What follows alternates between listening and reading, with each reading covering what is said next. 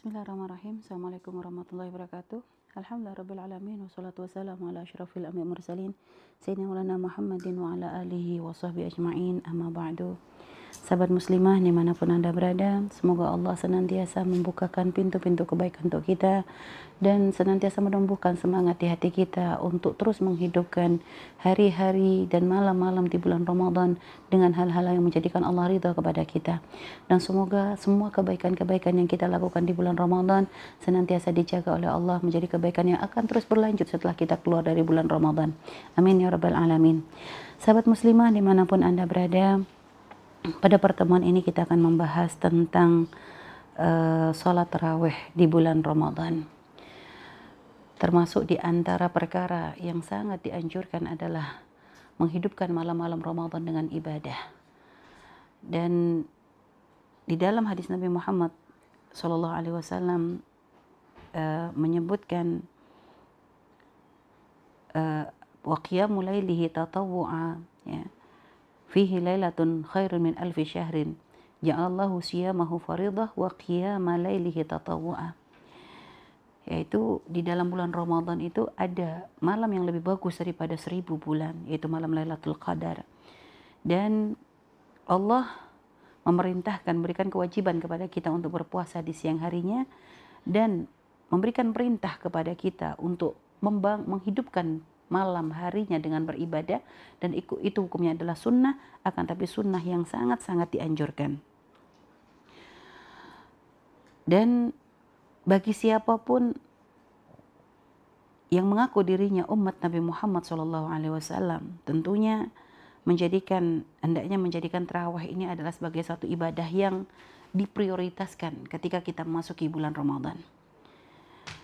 Akan tetapi ada sebagian orang yang kadang mempeributkan masalah urusan raweh. Karena ada memang beberapa kelompok yang berbeda dalam masalah bilangan. Jadi seperti di negeri kita ada kelompok yang mengambil 20 rokaat atau 8 rokaat. Dan sehingga kadang tidak jarang saling menyalahkan.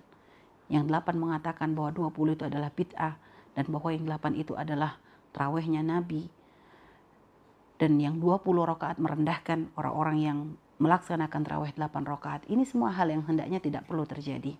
Karena seharusnya kita eh, kita seharusnya menyadari bahwa terawih itu dua rakaat yang kita lakukan pun itu sah saja. Dua rakaat itu sah saja.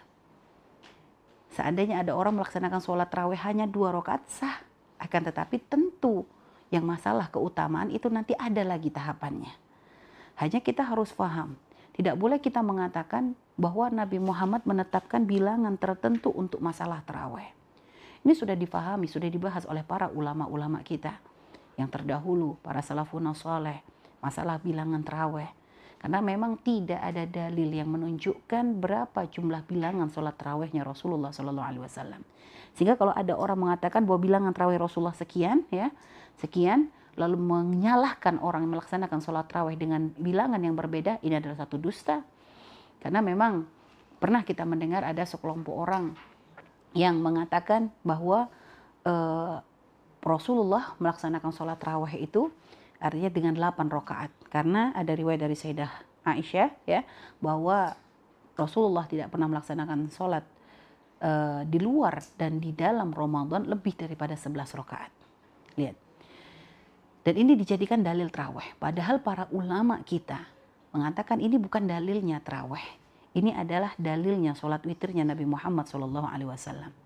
Karena sekarang sekarang coba ayo kita telah. Ketika kita mengatakan bahwa ini adalah dalilnya sholat raweh, ini adalah sungguh suatu keanehan. Sekarang coba Rasulullah tidak melakukan apa sholat tidak melakukan sholat di luar dan di dalam Ramadan lebih daripada 11. Sekarang oke, okay. kalau di dalam Ramadan ada terawih, tapi di luar Ramadan tidak ada terawih. Berarti di luar Ramadan sholat 11 rakaatnya Nabi sholat apa? Maka kita akan mengatakan bahwa itu adalah sholat witir. Lalu sekarang coba tanyakan, Apakah mungkin Nabi yang sangat senang beribadah, Nabi yang menyuruh kita untuk memperbanyak ibadah, yang Nabi biasanya di luar Ramadan melaksanakan witir 11 rakaat, lalu ketika Ramadan, Nabi mengurangi ibadah sholat witirnya yang awalnya 11 menjadi 3, yang 8 adalah terawih. Jadi ini adalah sungguh aneh dan sangat uh, tidak masuk akal gitu ya. Dilakukan oleh Nabi Muhammad SAW yang beliau adalah orang yang sangat senang dengan ibadah.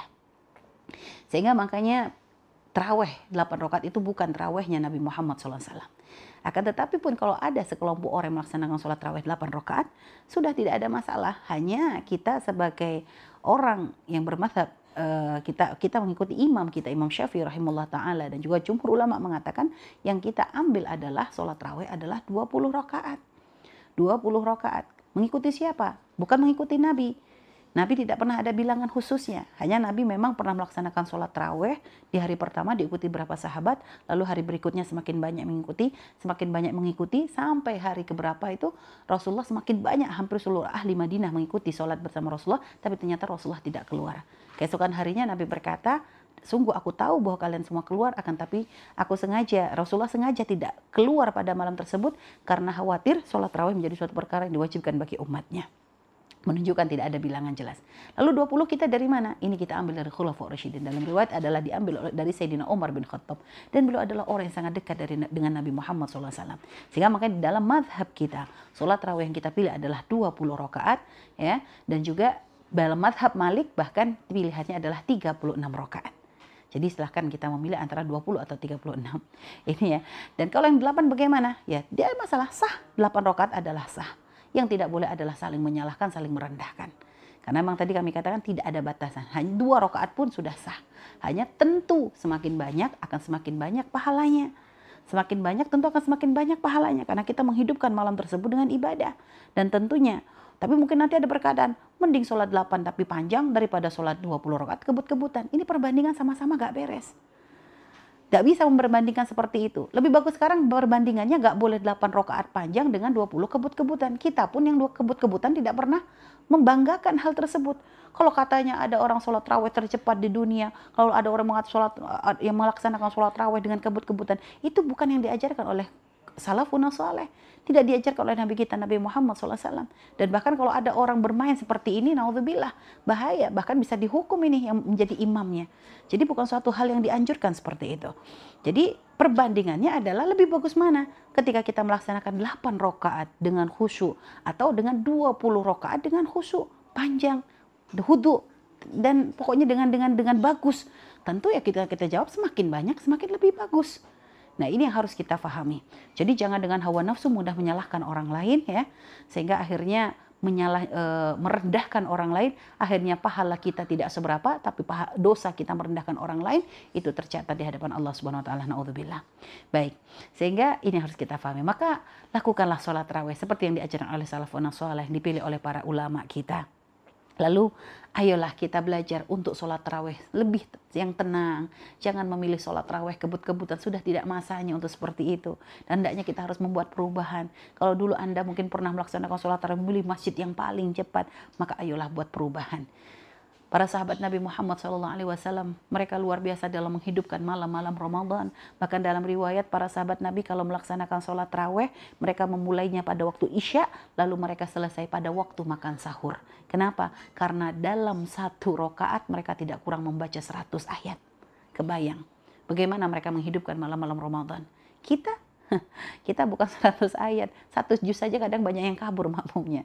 Padahal sebenarnya sholat raweh itu sangat indah Ayolah kita merasakan. Dan ini subhanallah termasuk nikmat yang Allah berikan kepada umat Nabi Muhammad ya. Futihat abwabul jannah Allah bukakan pintu surga yang dimaknai oleh para ulama kita bahwa semakin banyak semakin dimudahkan kita melakukan kebaikan. Termasuk sholat raweh yang 20 rakaat. Di luar Ramadan berat kita melakukan sholat 20 rakaat. Tapi di Ramadan lihat taraweh menjadi sesuatu yang rindu taraweh menjadi sesuatu yang dinanti. Dan ini adalah nikmat. Dan jika kita diberikan nikmatan oleh Allah untuk bisa merasakan nikmatnya sholat taraweh bersyukurlah kepada Allah. Karena itu artinya Allah memilih kita kita menjadi orang yang dimuliakan.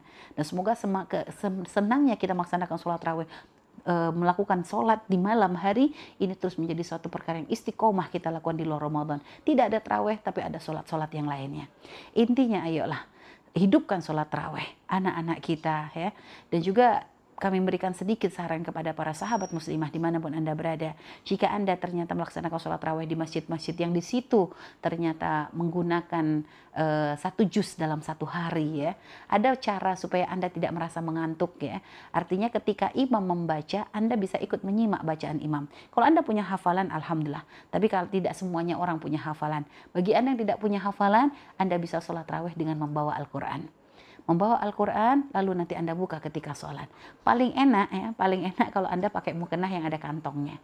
Sehingga nanti kantongnya bisa Anda pakai Al-Quran yang untuk memang untuk diletakkan di kantong itu ya ada Al-Quran kecil ya.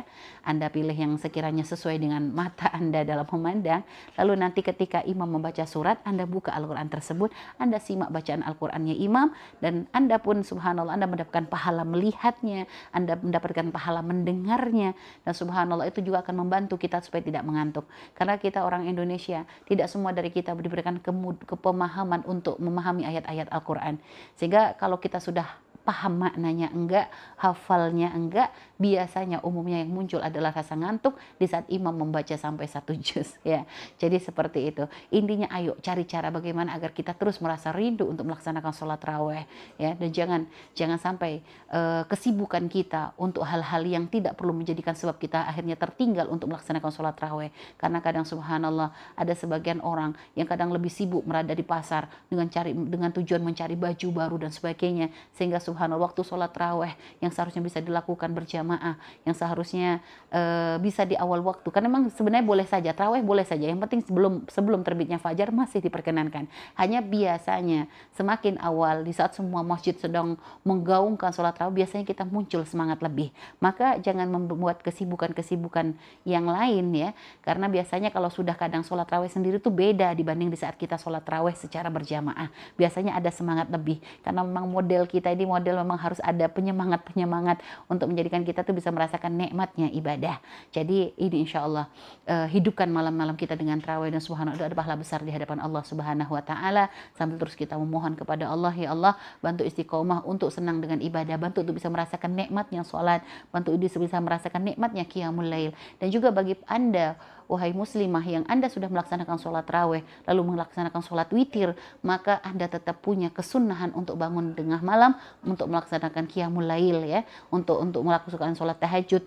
Anda boleh melaksanakan sholat uh, sholat hajat, sholat istikharah ya. Anda juga bisa melaksanakan sholat tasbih di situ. Anda juga bisa nanti menambah witir Anda jika di malam hari di ketika berbarengan dengan terawih Anda melaksanakan tiga rakaat, maka nanti Anda menambahkan dengan bilangan dua dua dua karena memang terawih witir itu paling banyak adalah 11 rakaat. Maka jika sudah tiga, Anda pengen melaksanakan witir 11, Anda tinggal menambahkan 8 rakaat. Kalau ternyata Anda aduh kebanyakan kalau 11 Anda pengen 5, ya sudah berarti sudah tiga dilaksanakan Anda tinggal menambah dua rakaat. Jadi seperti itu Intinya ayo selalu kita hidupkan malam-malam kita dengan ibadah. Semoga itu menjadikan sebab kita mendapatkan kemuliaan di hadapan Allah Subhanahu wa taala, menjadikan kita orang yang beruntung di bulan Ramadan sehingga nanti keluar dari Ramadan kita adalah dipilih oleh Allah menjadi orang yang mendapatkan kemenangan. Kemenangan di dunia, mukadimah kemenangan di akhirat. Baik, terima kasih ini saja dari kami. Mohon maaf dan mohon doanya. Wabillahi hidayah. Wassalamualaikum warahmatullahi wabarakatuh.